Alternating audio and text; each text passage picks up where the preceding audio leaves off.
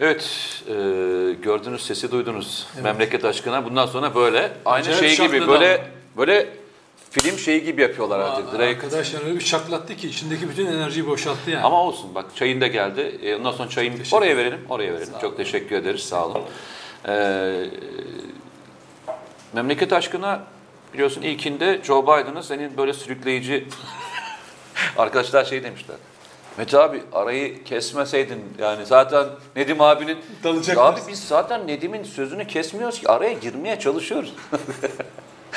Bizimkisi farenin e, içeri kaçması gibi mevzu Ya, yani. Esasında değil mi yani böyle iki dakikalık spotlar halinde konuşmak çok Yok ama yapar bunu ama sen mi? Ben şu ben şimdi 10 dakikaya kadar daraltabildim. Baktım kendime. Nefes, bir nefes aldığın zaman hani mesela kaç metre dalıyorsun veya çıkıyorsun falan şey var. ya, Senin bu ben konuşman 10 dakika Bir nefes aldığın zaman en kısası 10 dakika sürüyor. Abi 12-13 dakika ben sürüyor. bir şey diyeyim ama Yani benden, ben- benden sana şey 2-2 böyle böyle 2-2 gitmen daha iyi. 10 dakika çok uzun abi. Yani özellikle YouTube'da 20 dakikalık bir şey için Ya, 10 dakika Ben konuştuğunda çok- zaten çıkamıyorsun. Ben şöyle gazetecilikte de çok enformatik olmaya çalışıyorum. Yani ben böyle şahsi kanaatimi, subjektif düşünce Abi, vermek... manşet onun yerine- çekeceksin abi, Onun manşet yerine çekeceksin o zaman. veriyi bir bütün halinde, bir paket halinde verip insanların bunun üzerine düşünmesini sağlamaya çalışıyorum. Ama senin e, yazı, yazın mesela 10 dakika okunmuyor ki abi. Senin yazında 2 dakikalık okunuyor. Öyle mi okunuyor mu? Abi hayır. 2 Yok. dakikada bitiyor abi işte. Bitiyor mu? E tabii 10 dakika mı okuyorsun sen yazını? Yok yani şöyle ben tabii ben yazıları uzun böyle alttan içlisi okuduğum için Yok kendi yani yazımı 2 böyle dakikada bitiriyorum ben. dakika- Yok 2 dakikada Harika, bitiriyorum yazını. Hani sen o yüzden 10 dakikalık konuşma. 2 dakikada zaten çok güzel özetliyorsun. O yüzden Tamam, söylüyorum. Peki bu sefer Evet. E, bilmediğim bir alanda Yok daha hiç yok bu sefer yok yine konuşacaksan ben mümkün değil. Senin ismin Nedim Şener ayıp ediyorsun. Evet arkadaşlar e, bu sefer biraz şeyi konuşalım tabii. E, Libya sanki unutuldu mu unutulmadı mı hikayesi çok konuşuldu ama e, orada e, safa safa ilerlendiğini anlatmıştık. Yine Süper Haber izleyicileri bu konuda çok şanslı. E, bu konunun ne olduğunu onlar e, arşivden çok rahatlıkla takip edebiliyorlar. Demiştik ki safalar var.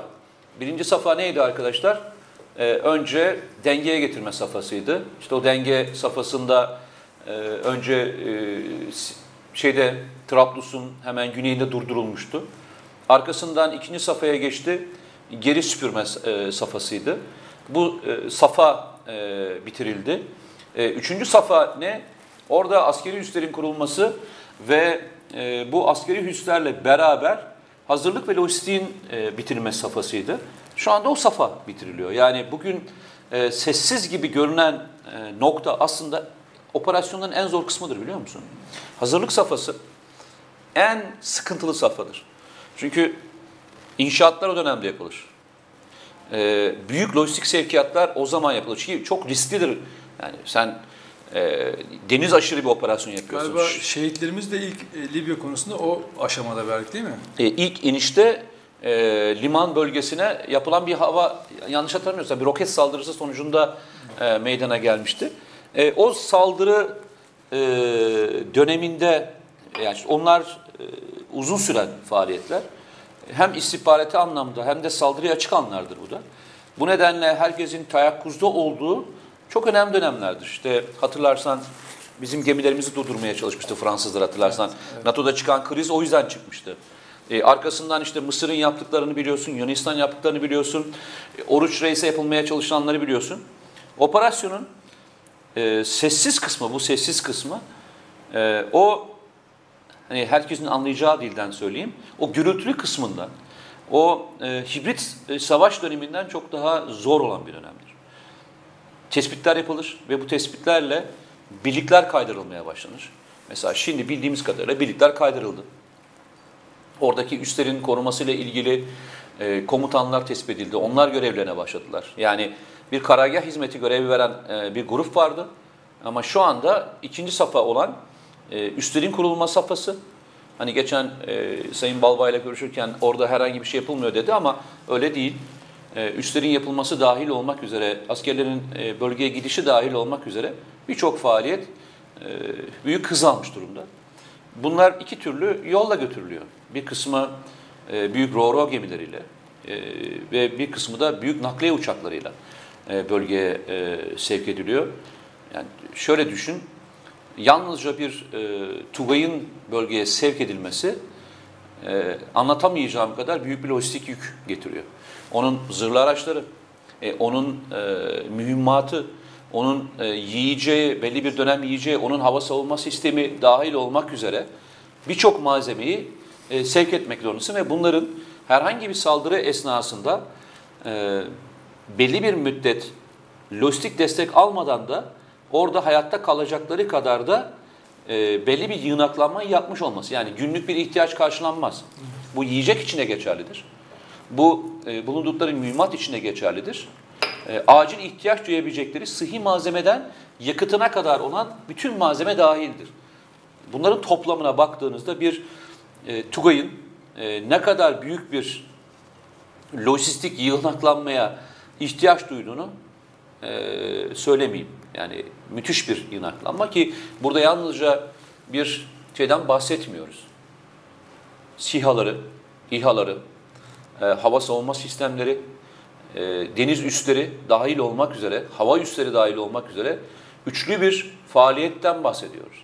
Ve bu faaliyetin büyüklüğü de deniz aşırı ve e, binlerce kilometre e, uzakta olan e, bir yerden bahsediyoruz. Her türlü de içinde riski barındıran bir yerden bahsediyoruz. Bu nedenle dünkü toplantı çok önemli. Biliyorsun e, Sayın Savunma Bakanı Hulusi Akar, e, Katar. Katar'ın e, Savunma Bakanı ile beraber bir de ayrıyeten Almanya Savunma Bakanı geldi. Yani Almanya Savunma Bakanı da bölgeye gelmiş olması çok ilginç bir şey. Aynı anda gelmiş olması da ilginç. Yani başka bir zamanda gelmedi. E, İtalya'nın zaten verdiği desteği biliyoruz. E, Almanya'nın e, Libya konusunda Türkiye ile aynı tezlere yaklaşmış olması hem Doğu Akdeniz'deki gelişmeler için çok önemli. Çok.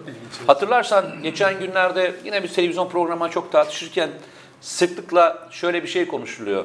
Türkiye e, Libya konusunda çok yalnız deniyor.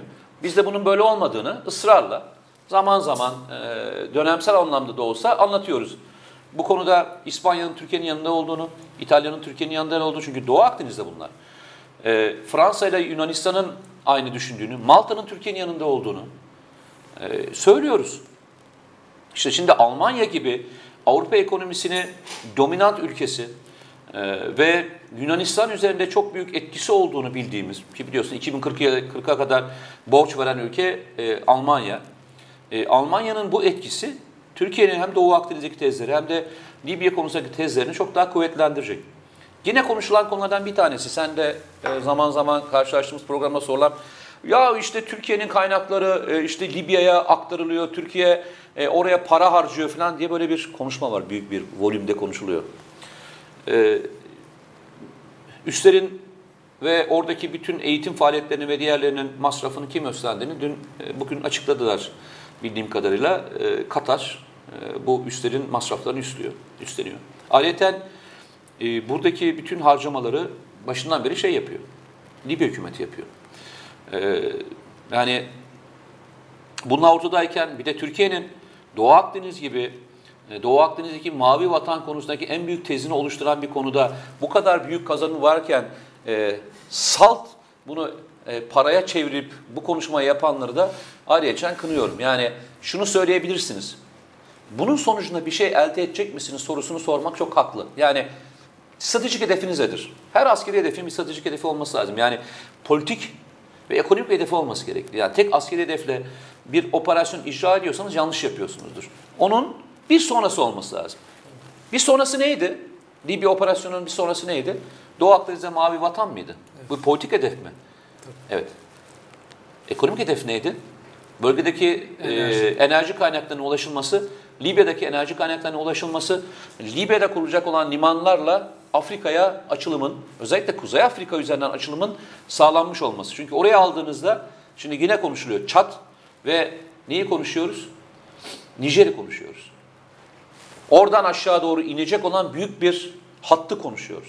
Fransa'nın zaten bu kadar e, problem çıkartmasının ana sebeplerinden bir tanesi de o.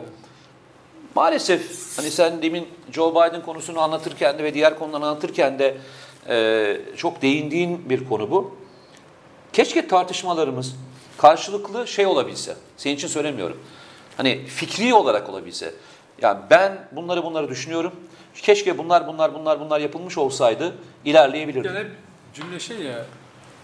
Gerçekten cevabını bilmediğim ve merak ettiğim soruları sana sorsam sen de verdiğin cevaplarla bir tartışma açılsa değil mi? Böyle olmuyor. Yani e, ben de size senden bir şey öğrensem, Sen tabii. hatta bu bunu bilmediğin bir tezle bana aktarsan. Örneğin. Örnek, mesela çok konuşulan konulardan bir tanesi. Sisi ile e, konuşalım ve çözelim sorunu. Hep budur biliyorsun tartışma. Ben de hep soru soruyorum. Her gittiğim moderatör dahil olmak üzere herkes diyorum. Sisi'nin gerçekten tek başına karar aldığını düşünüyor musunuz sorusunu soruyorum.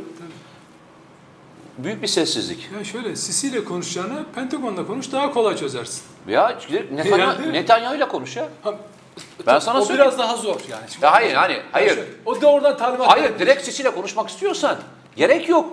Ha ile konuşmuşsun. Bari Netanyahu'ya konuş. Hem İki iş birden iki iş yani. birden halledersin yani. Öyle söyleyeyim yani. Tabii. Ne konuşuyorsun Sisi ile? Tabii. Yani bu, mesele şey işte bu bu sadece bir buna muhaliflik falan değil, iktidar karşıtlığı açısından muhaliflik farklı erdemli bir konudur kavramsal olarak. Bu şey iktidar karşıtlığı. Bu iktidar karşıtlığı me- maalesef memleket zararına, ülkesinin zararına olabilecek tutumları da beraberine getiriyor. E, aynı cümleleri yani mesela bir örnek vereceğim. Şimdi Birleşik Arap Emirlikleri falan hani bölgede etkili gücüyle işte parasıyla konuşuyor ya. Sen olayın bir boyutunu anlat. E, Buradan ne e, tür faydalar böyle bir operasyon. Bizim aslında yalnız da olmadığımızı kaldı ki öyle bir yalnızlığın da şerefli bir yalnızlık olduğunu bize Türk milleti zaten kabul etmiş ve ona göre de mücadelesini belirlemiş. Bir de bu, bizim karşımızda olan güçler var. Şimdi senden ricam o ikinci güçleri anlatmak. Ama ondan önce ben bize karşı olan içimizdeki karşı güçleri anlatmaya çalışacağım. Lütfen. Şimdi dün Birleşik Arap Emirlikleri'nden bazı hesaplar var benim de takip ettiğim. Örneğin e, Yunanistan medyasında bu ara sü- sürekli Türkiye aleyhine ama yani zaten çıkıyordu da bu ara bombardıman şeklinde ama Türk medyasında ne kadar yalan varsa Yunan medyasında yer alıyor. Örneğin Ayasofya'nın açılması zaten çok canlarını acıttığı için Ayasofya'da 3000 kişi Covid'e yakalanmış. Bunu bizim Türkiye'de telefitneler de yaptı, başkaları da yaptı. Orada şey FETÖ'cü hesaplar yaptı. Ayasofya'yı koronavirüsle eşleştirmeye çalıştı. Baktım dün akşam Greek News diye bir internet sitesi var. Onlar yapmış. Birleşik Arap Emirlikleri'ndeki o hesaplar da bunu paylaşıyorlar. Altına baktım. Ee, PKK'lı Murat Karayılan'ın şeye e, ANF'ye verdiği bir röportaj. E, Türkiye e, Akdeniz'de e, bir çatışmayı körüklemeye çalışıyor. Bilir kişi olarak ona başvurmuşlar yani. Oradan referans alıyor. Bakıyorum adam onu paylaşıyor. Yani bizim kar, şöyle içeride üretilen o yalan ve fitne var ya bizim düşmanımız olan, gerçekten düşmanımız olan ülkelerin de inanılmaz eline malzeme olarak veriliyor. O algı operasyonlarında falan. Şimdi senden ricam biraz da hem benim anlamam hem de izleyicilerin anlaması açısından bir de karşımızda olan güçler var. Yani deniyor ki e, mavi vatan yani bizim Akdeniz Ege bölgesinde bizim kendimize çizdiğimiz hakkımız olan e, sınırlar mavi vatan biz derken bizim önümüze sanki denizde bir Sevr anlaşması, Doğru. Sevr e, dayatması gibi bir durum ortaya çıkıyor. Doğru, Bunu aynen. biraz açar mısın? Ya şöyle söyleyeyim. Birincisi biz olayı niye e, şöyle bir küçümseme içerisindeyiz? Zaman zaman şununla karşılaşıyoruz. Bu örneği yine burada e, verdiğim için söyleyeceğim. Süper Haber izleyicilerine aynı örneği verdiğim için. Dedim ki Trakya'dan Yunanlılar deselerdi ki kardeşim ya biz Trakya sınırlarını tanımıyoruz. Ve şuraları da al istiyoruz. Edirne'yi de bize vereceksiniz. Atıyorum, biraz daha ilerliyorum. Ya biz e, İstanbul istemiyoruz ama Ayasofya'nın olduğu arazi bize ait. Ve biz Ayasofya'yı istiyoruz. Oraya da bayrak dikeceğiz. Dese kabul eder misin mesela? Yap, yapar mısın? Kim mesela? Kimse kim yapabilir? E, peki e, bu denizde olduğunda e, niye rahatsız olmuyor kimse? Yani bunun denizde olmuş olması, mavi vatan konusu konuşulduğunda örnek veriyorum.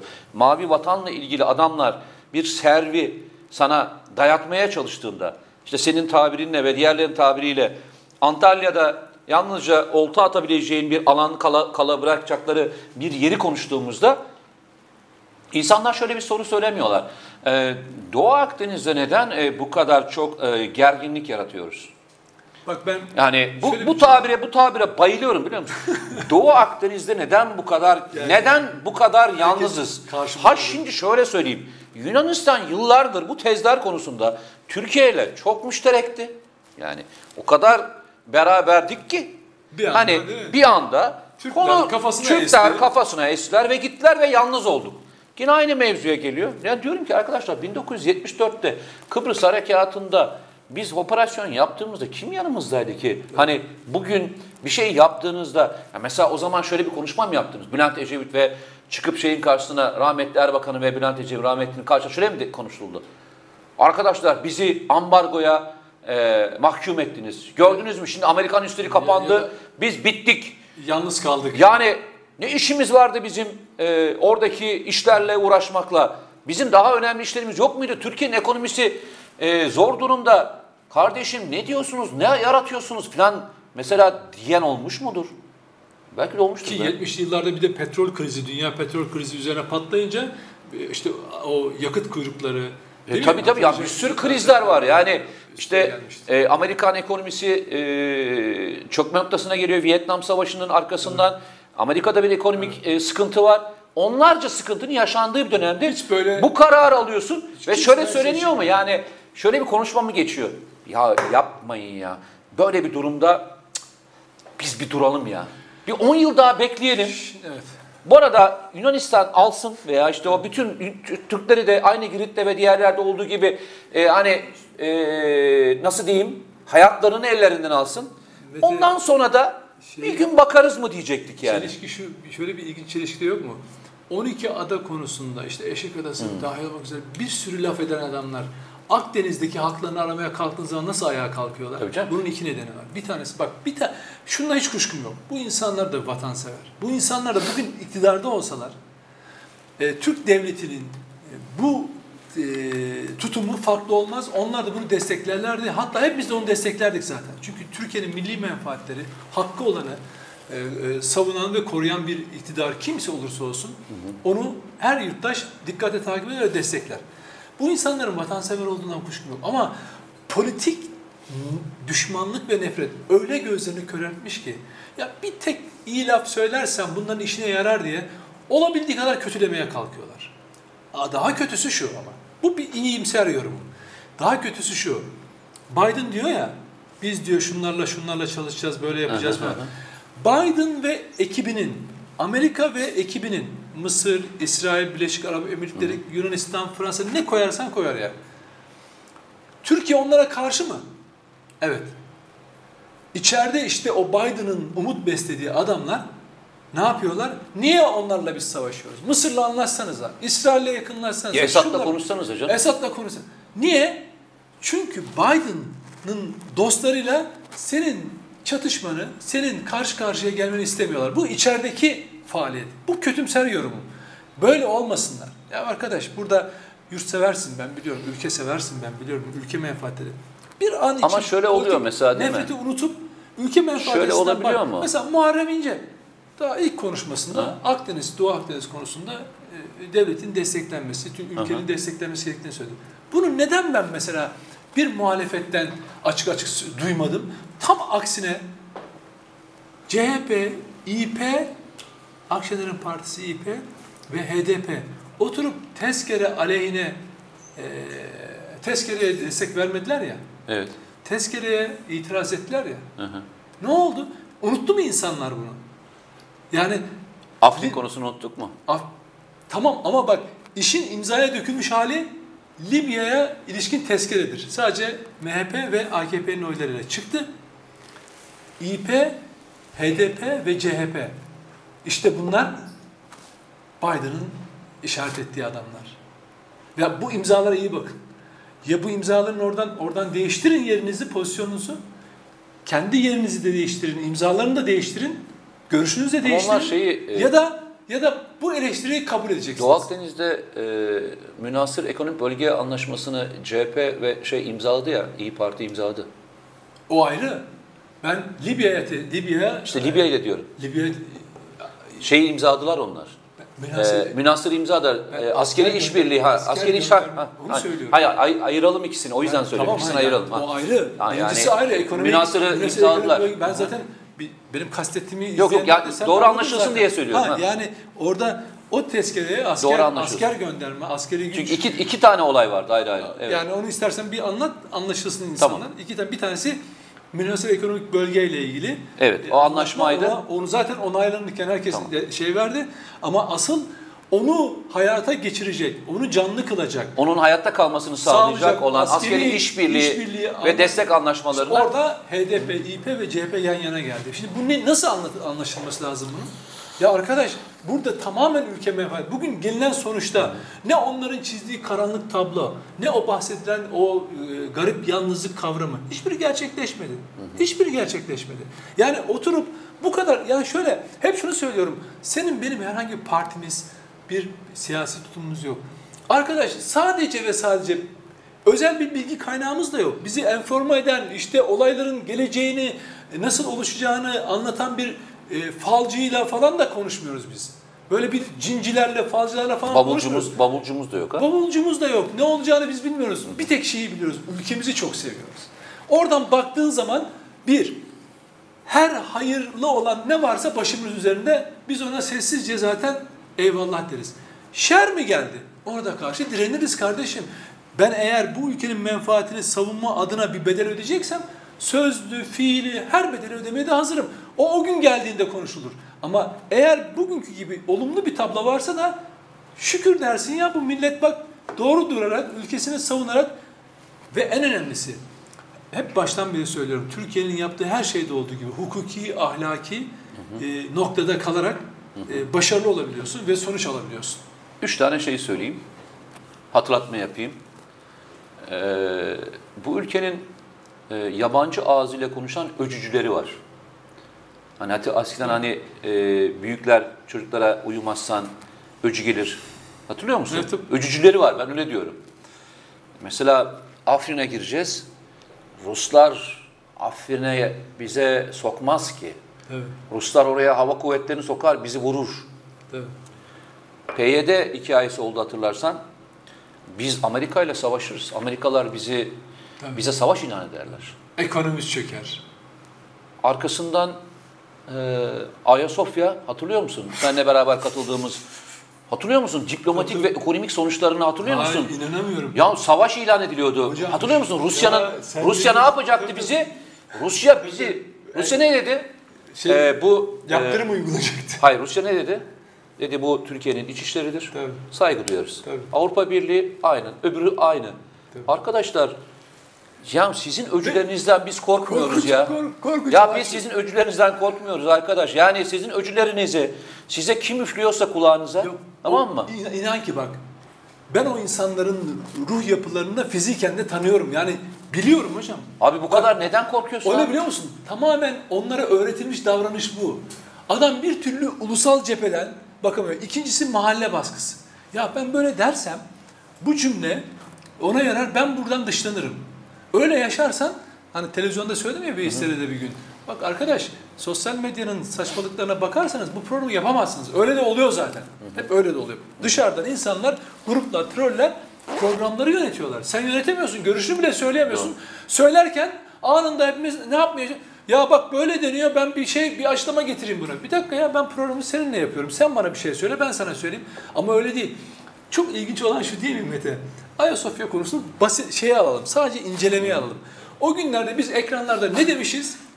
Aynısı da aynısı da tezlerini söylemişiz. Hangi tezler olacak demişiz. Evet demişiz. Ha. On, karşımızda buna direnenler de ne, Ne demişler? öcülükler e, ortaya Anlatmışlar. pazarlamışlar. Bir izleyelim. Sonra da e, utanalım mı, sevinelim mi? Yani hocam nerede hani tecrübe, gazetecilik, sağduyu?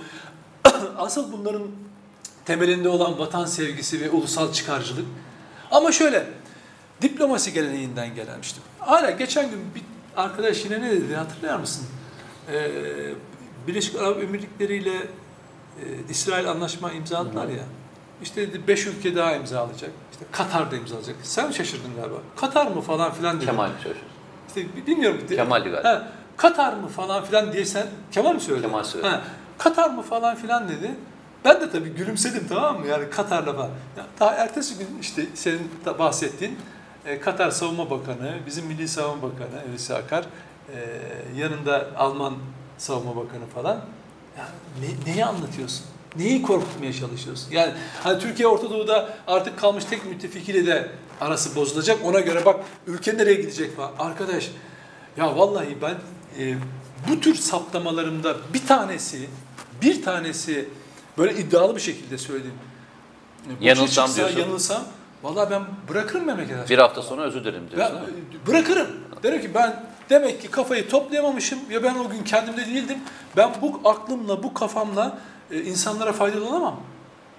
Çünkü niye? Bin, bin düşünüp yani ben buraya gelirken burada yapacağımız konuşmalar evde dünden kafamda çeviriyorum ne cümleler, ne ko- konu ne, bağlam ne. Hatta hazır olmadığım konulara cevap hazırlamaya çalışıyorum. Televizyonlara falan öyle gidiyorum. Yani kafamda ben biliyorum çünkü neden biliyor musun? Karşımdakinin ne diyeceğini biliyorum artık. Klişeler belli. Ona ben oturuyorum kağıt üzerine bir cevap yazıyorum. Olmuyor bir daha yazıyorum, bir daha yazıyorum. Ondan sonra cevabı hazmediyorum. O söylediği an topun gelişine olduğu gibi patlatıyorum bir tane. O yüzden insanlar 90'a çöküyorum diyorsun ha? patlatıyorum. Eyvallah. Golü olma olduğunu bilmiyorum ama Yok oluyor oluyor yani. oluyor. Arkadaşlar e, biraz süremizi açtık kusura bakmayın.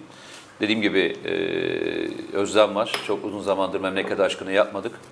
Tabii aşk dediğiniz şey böyle insanda birikime patlamaya yol açıyor. Arkadaşlar lütfen e, bu süper haber artık yani 30 e, 5 binde kalmış olması bizim için bir ayıp. Yani artık bunu bir 100 bine lütfen taşıyalım hep beraber. E, Bunu bir kampanya mı dönüştürürüz? Memleket aşkının e, bütün e, izleyenleri artık bunu önümüzdeki e, yılda bir 100 bin içinde görmüş olalım diye bir kez daha hatırlatıyorum. Şöyle bir şey yapalım. ya. Gittim bazen seninle toplantılara katılıyoruz. Evet. Ee, Şey, şehir dışında falan. Gittiğimiz her yerde çıkarın cep telefonları kardeşim. Eller yukarı, cepler. Eller yukarı, cepler dışarı. cepler dışarı. Diyeceğiz kardeşim buradan konferansa gelmenin tek bir ücreti var. Süper haberi biz burada babamızın hayrına yapmıyoruz. Burada Evet. bir sürü insan emek harcıyor. Evet. Kafa patlatıyoruz. Evden ayrılıyoruz. İşte Evet. bak ben buradan döneceğim. Çocuğu kurstan alacağım. Bilmem ne bir sürü şeyler yapıyorum değil mi? Vakit ayırıyoruz falan. Sen de kardeşim izliyorsan hiç olmazsa telefonunda bir düğmeye basacaksın. Abone olacaksın. Evet, Aynen. aynen. bunu ilk gittiğimiz şehirde yapacağız tamam mı? Ee, şimdi de yapabiliriz. Lütfen e, cep telefonlarınızı çıkartın diyemeyeceğim. Zaten cep Ama zaten onlar izliyorlardır. Lütfen orada abone olun tuşuna e, basın diyoruz. Çok teşekkürler. Görüşmek üzere arkadaşlar.